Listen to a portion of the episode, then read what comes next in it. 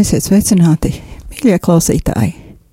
Jūsu raidītājos skan FM Vilnis uh, 97,3 Rīgā, FM 97,1 Liepājā, 97,0 Krāslavā, vai arī varbūt jūs klausāties mūsu datoros www.rml.lv, respektīvi radio marija.latvija.lv un mūs šajā saitē var dzirdēt visā Latvijā un pasaulē, un paldies it īpaši tiem radioklausītājiem, kuri mūs klausās un atbalsta nedzīvojot Latvijā. Tātad skan radio arī Latvija, un kā katru pirmdienu ēterā raidījums vairāk tevis manī. Ir lielās nedēļas pirmdiena, tāda īpaša diena, un turpmāko pusstundu ar jums kopā es Sandra Preisa. Atgādinu raidījumu kontaktus. Ētera telefona numurs Nav mainījies 67, 969, 131. Numurs izziņām 26, 67, 272. E-pasts vairāk tevis manī at gmail.com. Varat arī sūtīt ziņojumus caur raidījuma Facebook lapu. Un uh, atkārtoju, ka ir iespēja e-pastā saņemt saiti uz visu raidījumu arhīvu, arī uz pagājušās sezonas raidījumiem, Bet tad jums ir jāraksta man vēstule vai izziņa ar savu e-pastu, un es to jums nosūtīšu. Vēlos tāpat arī pateikties visiem klausītājiem, kuri man jau ir rakstījuši, zvanījuši vai personīgi izteikuši savas domas par raidījumu, jo tas man ļoti palīdz uzlabot raidījumu kvalitāti, jo šis raidījums tiek veidots jums, klausītāji, un jūsu dēļ. Šovakar sāksim ar lūkšanu visos mūsu pašu, arī radio Marija atbalstītāju nodomos, eh, visos tajos nodomos, kurus mēs varbūt neprotam izteikt, bet kuri ir mums svarīgi vai varbūt pat sāpīgi, eh, kā arī lūksimies par svētā Dominika sekotājiem Baltijā un Francijas provincē. Un šovakar lūksimies ar Noviču audzinātāja lūkšanu Eh, kura ir saglabājusies no 1283. gada. Dieva tēva un dēla un svētā gara vārdā Āmen. No visas savas sirds vēršos pie tevis, svētais gars, brīnišķīgais Dievs, kurš ja vien vēlies reizēm runā labas lietas pat ar grēcinieku lūpām. Grēcinieks, kāds esmu es, tavs kalps, Tagad, kad tu mani esi aicinājis savā darbā ar krustā iztā Kristu žēlastību, viņa mātes Marijas lūgšanām un svētīgā Dominika dzīve un darbiem, žēlīgi dāvā šim darbam labus augļus caur mani, manu līdzcilvēku labumam un tavam godam. Lai tie, kas redz un dzird, zina, ka tā ir tava žēlastība, kas to ir paveikusi. Caur Jēzu Kristu, mūsu kungu. Āmen! O, o, o, o, o, o,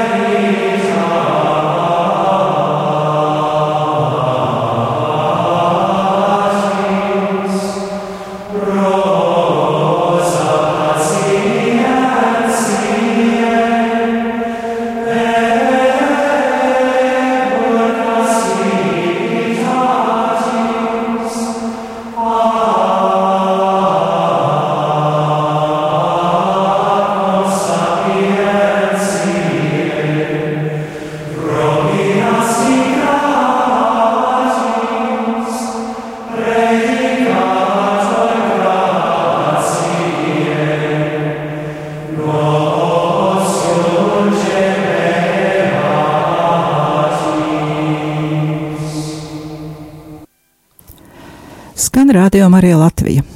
Raidījums vairāk tevis manī un studijā ar jums Sandra Preisa. Šovakar, eh, tāpat kā iepriekšējos gavēņa raidījumos, eh, klausoties raidījumu saturu, aicinu eh, meditēt pāvesta gavēņa vēstījuma galvenos punktus un skatīt to saturu, ko mēs šodien pārunāsim, šo punktu gaismā cilvēks kā dāvana pats sev un citiem, spēja iejusties otra cilvēka situācijā un izjūtās empātija, jeb līdzcietība, un atvērtība uz Dievu caur svētajiem rakstiem, sakramentiem un lūgšanu.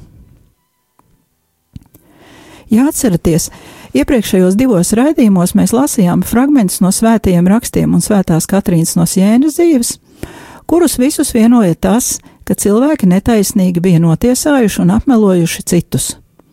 Un arī tas, ka šajās situācijās atklājās dieva žēlsirdība un arī dieva taisnīgums. Tā kā apmelošana un aprunāšana ir ārkārtīgi populārs netikums, un mūsu sabiedrībā to veicina arī dzeltenā prese, kura līšana citu cilvēku privātajā dzīvē ir jau gandrīz vai padarījusi par normu, jo tēnku žurnālu ir bezgala daudz, un tos taču nekad nedrukāt un netērēt naudu, ja nebūtu kas tos lasa. Un tādēļ es nolēmu kopā ar jums, mīļie klausītāji, papētīt, ko par apmelošanu un aprunāšanu runā citi avoti. Interesanti, ka biju jau savā galvā sastādījis raidījuma plānu un izdalījis galvenos punktus ar domu, ka tos pierakstīšu un pēc tam pārlasīšu, ko par šo tēmu saka baznīcas mācība, un salikšu to visu kopā. Un galā man būs gatavs raidījums. Tā nu es ņēmu rokās lielo katehismu grāmatu, atvēru nodaļu par astoto bauslu un sapratu, ka man praktiski nekas nav jāpieraksta no sevis. Vi, viss, ko es biju gribējusi šovakar teikt, it kā no, pati no sevis, ir tieši tas pats, ko es ieraudzīju atverot katehismu. Un tādēļ nu, es ceru, ka šī katehisma valoda um, mums netraucēs uz, uztvert, jo es esmu ļoti atšķirīgs atsauksmes dzirdējusi. Citi saka, ka viņiem katehisma valoda ir par smagu, citi atkal meditē gandrīz kā svētos rakstus un saka, ka tur pilnīgi svētais gars no katra vārda runā. Bet nu tad nu, mēs tagad paši paklausīsimies un padomāsim, kā tad tur ir. Tātad sāksim ar 2464. punktu. Katoliskās baznīcas katehisms. Astotais bauslis aizliedz sagrozīt patiesību attiecībās ar citiem cilvēkiem. Šo morālo priekšrakstu nosaka svētās tautas aicinājums būt par sava dieva, kurš ir patiesība un kurš vēlas patiesību, liecinieci. Vārdos vai darbos vērsties pret patiesību nozīmē novērsties no morālā taisnīguma, tas nozīmē būtisku neusticību dievam, un šajā ziņā tas sagrauj derības pamatus. Nākamais punkts, kuru lasām, um, ir zem virsraksta pārkāpumi pret patiesību. Punkts 2475. Kristus mācekļi ir ietērpušies jaunā cilvēkā, kas radīts pēc dieva līdzības, taisnībā un patiesā svētumā. Atsauc uz vēstuli efeziešiem. Atmetuši melus, viņiem vajag atmest visu ļaunprātību un visu viltību, un liekulību, un skaudību, un visas mēlnesības, atsauc uz 1. pētera vēstuli. Publiski izteikti vārdi, kas neatbilst patiesībai, ir īpaši smags pārkāpums. Tiesas priekšā tie kļūst par nepatiesu liecību. Ja tie tiek apstiprināti ar zvērstu, tad tā jau ir zvērsta laušana. Tāda rīcība veicina vai nu nevainīga cilvēka notiesāšanu, vai arī vainīgā attaisnošanu, vai arī tiesājumu pakļauj bargākam spriedumam nekā tas būtu bijis citā gadījumā.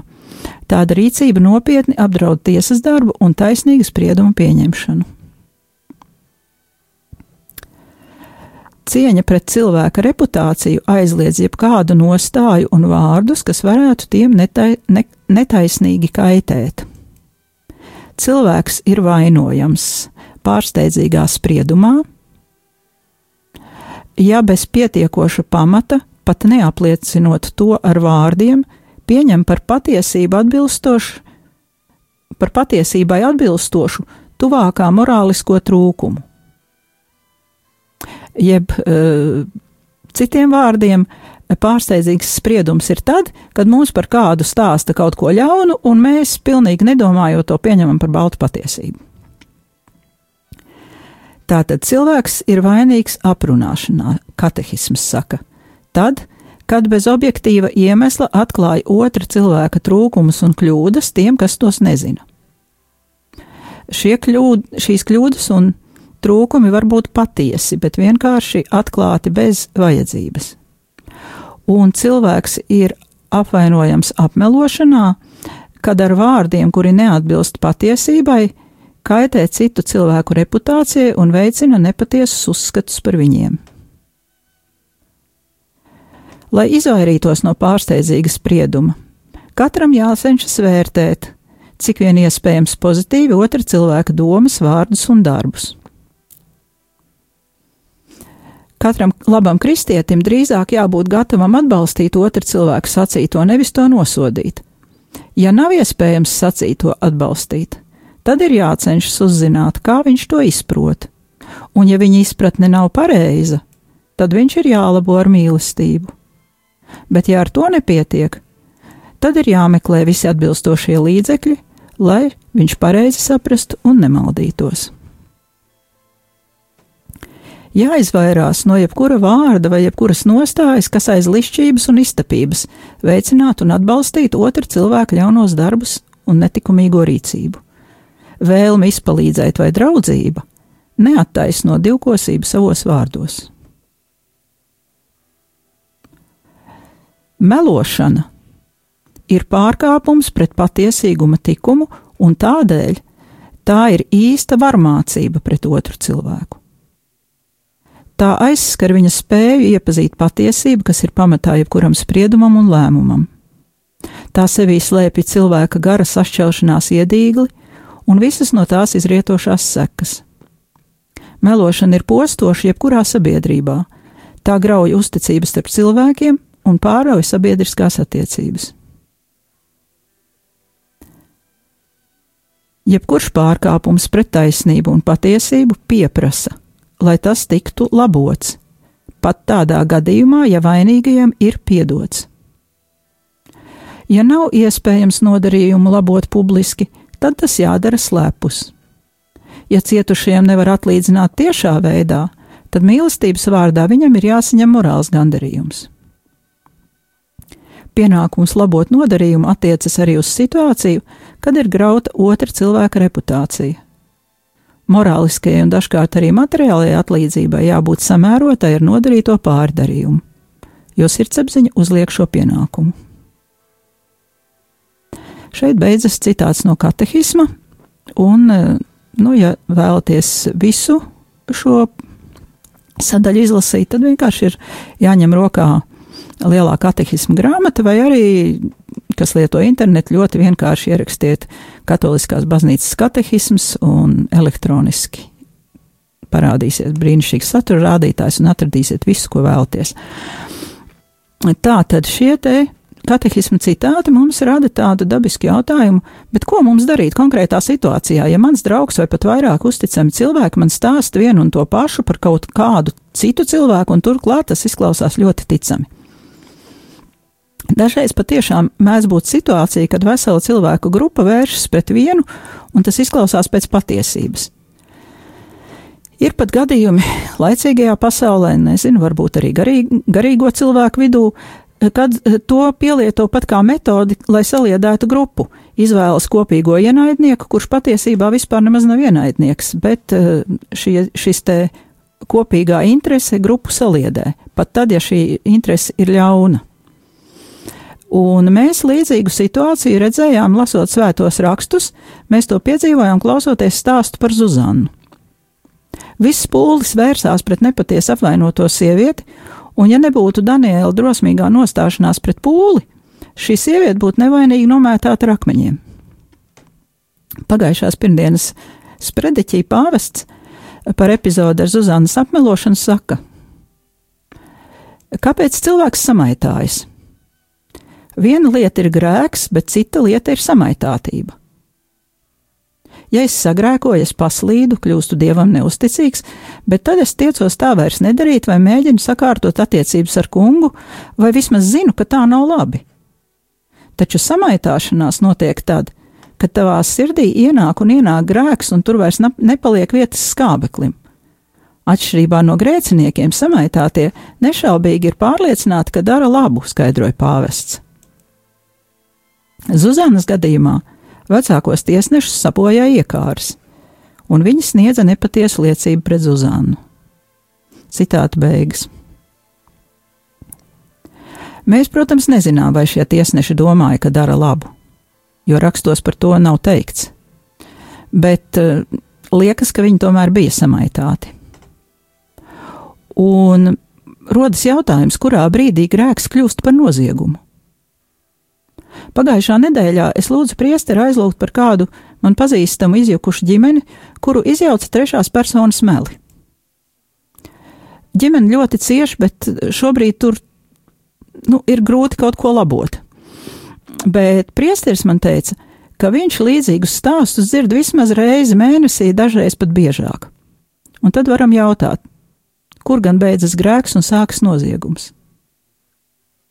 Ja bērniem ir vajadzīga psihiatra palīdzība, ja apmelotais tēvs ir spiests meklēt ārsta palīdzību un aiziet no darba depresijas dēļ, jo viņam neviens netic līdz galam, ka viņš ir apmelots. Vai šis apmelotājs ir tikai grēcinieks, vai jau ir noziedznieks? Tās tādas smagas pārdomas, mazliet atpūtīsimies, noklausoties kādu mierīgu melodiju, un pēc tam palasīsim kādu mazliet sadzīviskāku tekstu par šo pašu tēmu.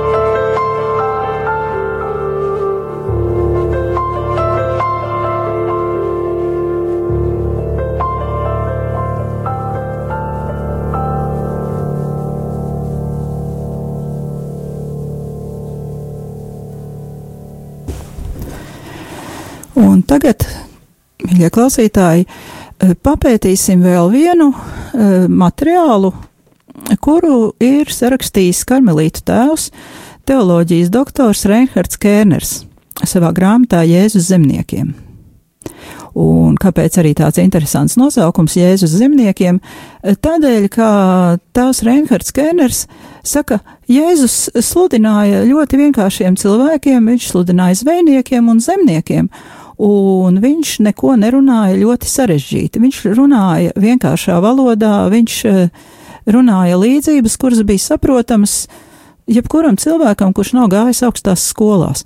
Un tādēļ turpmākie teksti būs arī sarakstīti daudz vienkāršākā valodā, ne teoloģiskā tik ļoti kā katehisms, un palasīsim tādus vienkāršus tekstus, un varbūt arī kaut ko dzirdēsim labu savai dzīvei, ko mēs varam paņemt.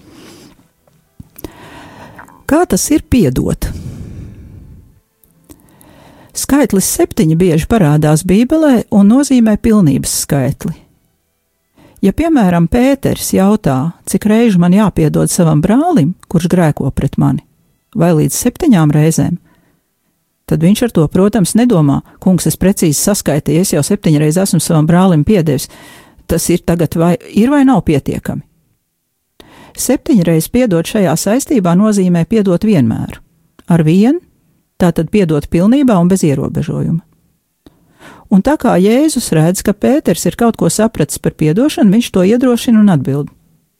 Es tev nesaku līdz septiņām reizēm, bet gan līdz septiņdesmit reizes septiņām, kas nozīmē tik daudz, kā nē, ne kaut kādu konkrētu reižu skaitu, bet gan vienmēr, tev ir vienmēr jāpiedod, mans mīļais, kefas. Un tad Sīmans atplauka un nodomāja, es taču esmu kaut ko iemācījies no sava skolotāja, viņš sev sacīja. Un tomēr mums bez šiem Jēzus vārdiem no Mateja evaņģēlijā 18. nodaļas vēl ir jāizlasa, kas ir teikts Lūkas evaņģēlijā. Jo, ja mēs ņemtu vērā tikai Mateja tekstu, ar piedošanu varētu rasties problēmas. Un tagad situāciju pieņemsim, tiešām tikai pieņemsim, jo es negribu Dievu dēļ nevienam neko piedēvēt. Ka zemnieks Lēmanis Pasaka zemniekam Šulcam: Tu stulbais ragulops! Un pieņemsim, ka viņš to domā tiešām ļauni un personiski. Ko tad darīs zemnieks Šulce, zinādams to, kas rakstīts Mateja evaņģēlijā? Pareizi. Viņš piedos, viņš piedos zemniekam Lēmanim, un ja tas to ar vienu un ar vienu un ar vienu atkārtos, iespējams pat visu ļaužu priekšā, tad zemnieks Šulce tam atkal ar vienu, ar vienu, ar vienu piedos. Vienkārši tāpat, jo galu galā tā taču ir rakstīts Bībelē. Līdz beidzot Šulce visiem ļaudīm patiešām šities viens stulbs ragulops, un kādu dienu arī viņš pats tam noticēs. Vārdi bez nosacījumiem man atgādināja, ka ir vēl jāpasaka par piedošanu un izlīkšanu. Iespējams, kāds uzdod šādu jautājumu. Jūs, zemnieki, sakāt, ka Jēzus mūs mīl bez nosacījumiem. Izklausās labi. Bet kā tas atbilst tam, ka Jēzus saskaņā ar Lūkas rakstīto saka, ja tavs brālis grēko, pamāci viņu, un ja viņš nožēlo, piedod viņam? Vai tā nav pretruna? Vai tā mīlestība nav saistīta ar nosacījumu, proti, ar nosacījumu, ka, piemēram, zemnieks lēmanis nožēlo savu izturēšanos un apņemas laboties? Ja kāds mums uzdod šādu jautājumu, un tas tiešām skan godīgi un nopietni, mums ir arī jāatbild. Es domāju, ka mēs jautātājiem varam atbildēt apmēram tā: Jā, Jēzus mūs mīl bez nosacījumiem, tieši tāpat kā Dievs. Dieva mīlestība pret mums nav saistīta ar nosacījumiem, ne arī ar nosacījumu, ka mēs vispirms savus ļaundarības nožēlojam un labojamies. Ja jautātājs par to tomēr nedaudz šaubās, varam atsaukties uz Pāvilu. Zini, apustulis Pāvils ir teicis to pašu. Viņš to ir izsacījis šādi: Dievs savu mīlestību pret mums parāda tā, ka Kristus par mums ir nomiris tad, kad mēs vēl bijām grēcinieki. Mēs varam norādīt arī precīzu vietu, kur tas rakstīts. Vēstule romiešiem 5. nodaļa, 8. pāns. Un tad mēs sacīsim, Bet Dievs ne tikai mūs mīl, Viņš arī vēlas, lai mēs būtu priecīgi un mūsu sirdī valdītu miers. Un miers sirdī taču nevar valdīt tādam, kurš otram saka, tu stulbais ragulops, un tam līdzīgas lietas. Katrā ziņā ne tad, ja viņš to saka ar vienu no jauna un pat nedomā mitēties, un turklāt vēl savā sirdī apcerot, kā viņš varētu kādu nomēnot citu priekšā. Tāpēc saproti Dievam un Jēzum, un, protams, arī mums, ir tik svarīgi, lai šis cilvēks saskatītu to, kā viņš patiesībā domā un rīkojas. Iespējams, kāds mums atbildēs, lai Lēmans pats parūpējas par savu sirdsmieru. Ļausim viņam palikt pie šiem uzskatiem. Cilvēkam, kurš šādi iesaka, vēl nav nekādas nojausmas par tuvāku mīlestību, bet iespējams, ka kaut kāda skaidrība radīsies. Taču mēs vēl neesam pabeiguši tematu, par kuru runājām. Tā tad ejam tālāk. Dievs, protams, arī vēlas, lai zemnieks Šulce netiktu pastāvīgi aizvainots vai pazemots, un turklāt daudzu cilvēku priekšā. Ja zemnieks Lēmanis nesaskata, ka izturas nepareizi, kas notiks tālāk? Ja viņš nesaprot, kādu ļaunumu viņš nodara, tad arī turpmāk noš, notiks šī nožēlojamā spēlīte. Jēzus turpretī grib, lai viņi abi salapst un atkal dzīvo tālāk kā saticīgi kaimiņi. Kas attiecas uz Dievu pašu, mēs varam vēl piebilst. Var būt pavisam mierīgs. Viņš savā dievišķajā sirdī mīl lēmani, neraugoties uz visām ļaunprātībām. Tātad bez nosacījumiem. Un tāpat bez nosacījumiem lēmani mīl Jēzus. Bet mīlēt kādu bez nosacījumiem nebūtu nenozīmē atstāt viņa rīcību neievērotu. Dievs tomēr grib, lai zemnieks lēmanis kļūtu nedaudz, nu vismaz nedaudz labestīgāks, lai viņš vismaz nedaudz domātu, justu un rīkotos tā kā Jēzus. Jo Dievs viņu tiešām mīl un grib, lai no viņa kas iznāktu. Jo tu zini, Dieva un Jēzus mīlestība nav tāda, ko daudz ļaudis uzskata par mīlestību, tikai miers, prieks un putukrējums. Dievam un Jēzum rūpam mēs cilvēki. Turklāt katrs no mums, gan Lēmanis, gan tieši tāpat Šulce, un nav runa tikai par katru atsevišķi. Dievs arī grib, lai šie abi dzīvotu brālīgā saticībā. Tāpēc saproti, Dievs vēlas, ka mēs ieraugam savus ļaunos darbus, tos nožēlojam un labojamies. Mīlestība vēlas cilvēku pārveidot tieši ar to, ka tā ir bez nosacījumiem, un tā spēja cilvēku pārveidot. Vai šie vārdi mūsu jautātājiem palīdzēs, rādīs laiks. Apsolīt es, protams, nevaru, bet mums ir jāmēģina. Visu par zemnieku Lēmani un zemnieku Šulci mēs pārunājām arī kādu kungu no mūsu draudzes. Kad viņš man izklāstīja, ko viņš par to domā, es lūdzu viņam to visu uzrakstīt, un labi, ka es to izdarīju. Tātad šis kungs raksta: Ja cilvēku kopdzīvi traucē tas, ka viens aizvaino otru, Dievs šīs attiecības var dziedināt.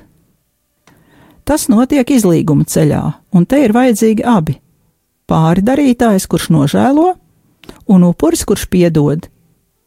Ja upuris uz visiem pazemojumiem atbild ar jā un āmen, proti, es tev piedodu ar vienu, ar vienu, ar vienu, ar vienu, tad šīs attiecības nekad nav iespējams sakārtot. Ja vēlamies sasniegt īstu salapšanu, ir nepieciešama nožēla. Protams, ir jāatšķir piedošana un salapšana.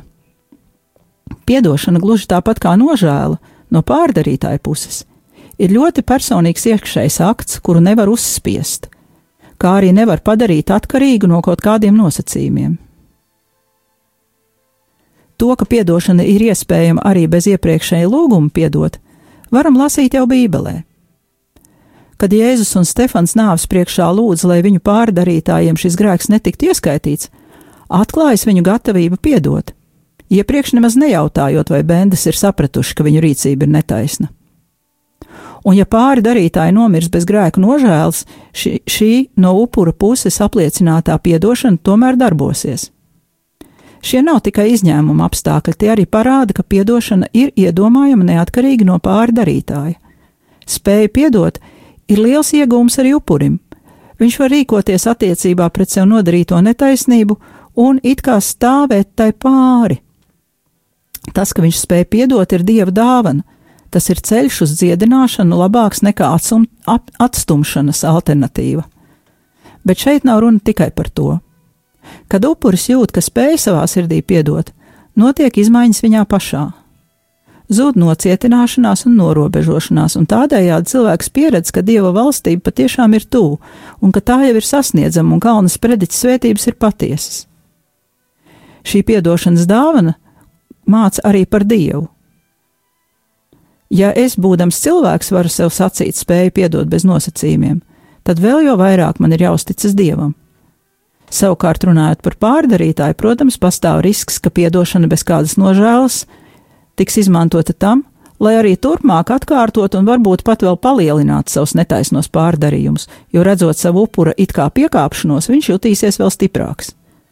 Bet varbūt gluži otrādi piedošana, kurā jaušama gatavība izlīgumam, palīdzēs šim cilvēkam izjust patiesu nožēlu vai arī atraisīs nožēlas dīkstus, kas jau iepriekš bija viņa sirdī un liek tiem izpausties arī ārēji. Ar šo jau mūsu raidījuma laiks beidzas, tā tad ir viela pārdomām, un es no jums atvados. Ar jums kopā biju es Sandra Prēsa un raidījums vairāk tevis manī. Veni,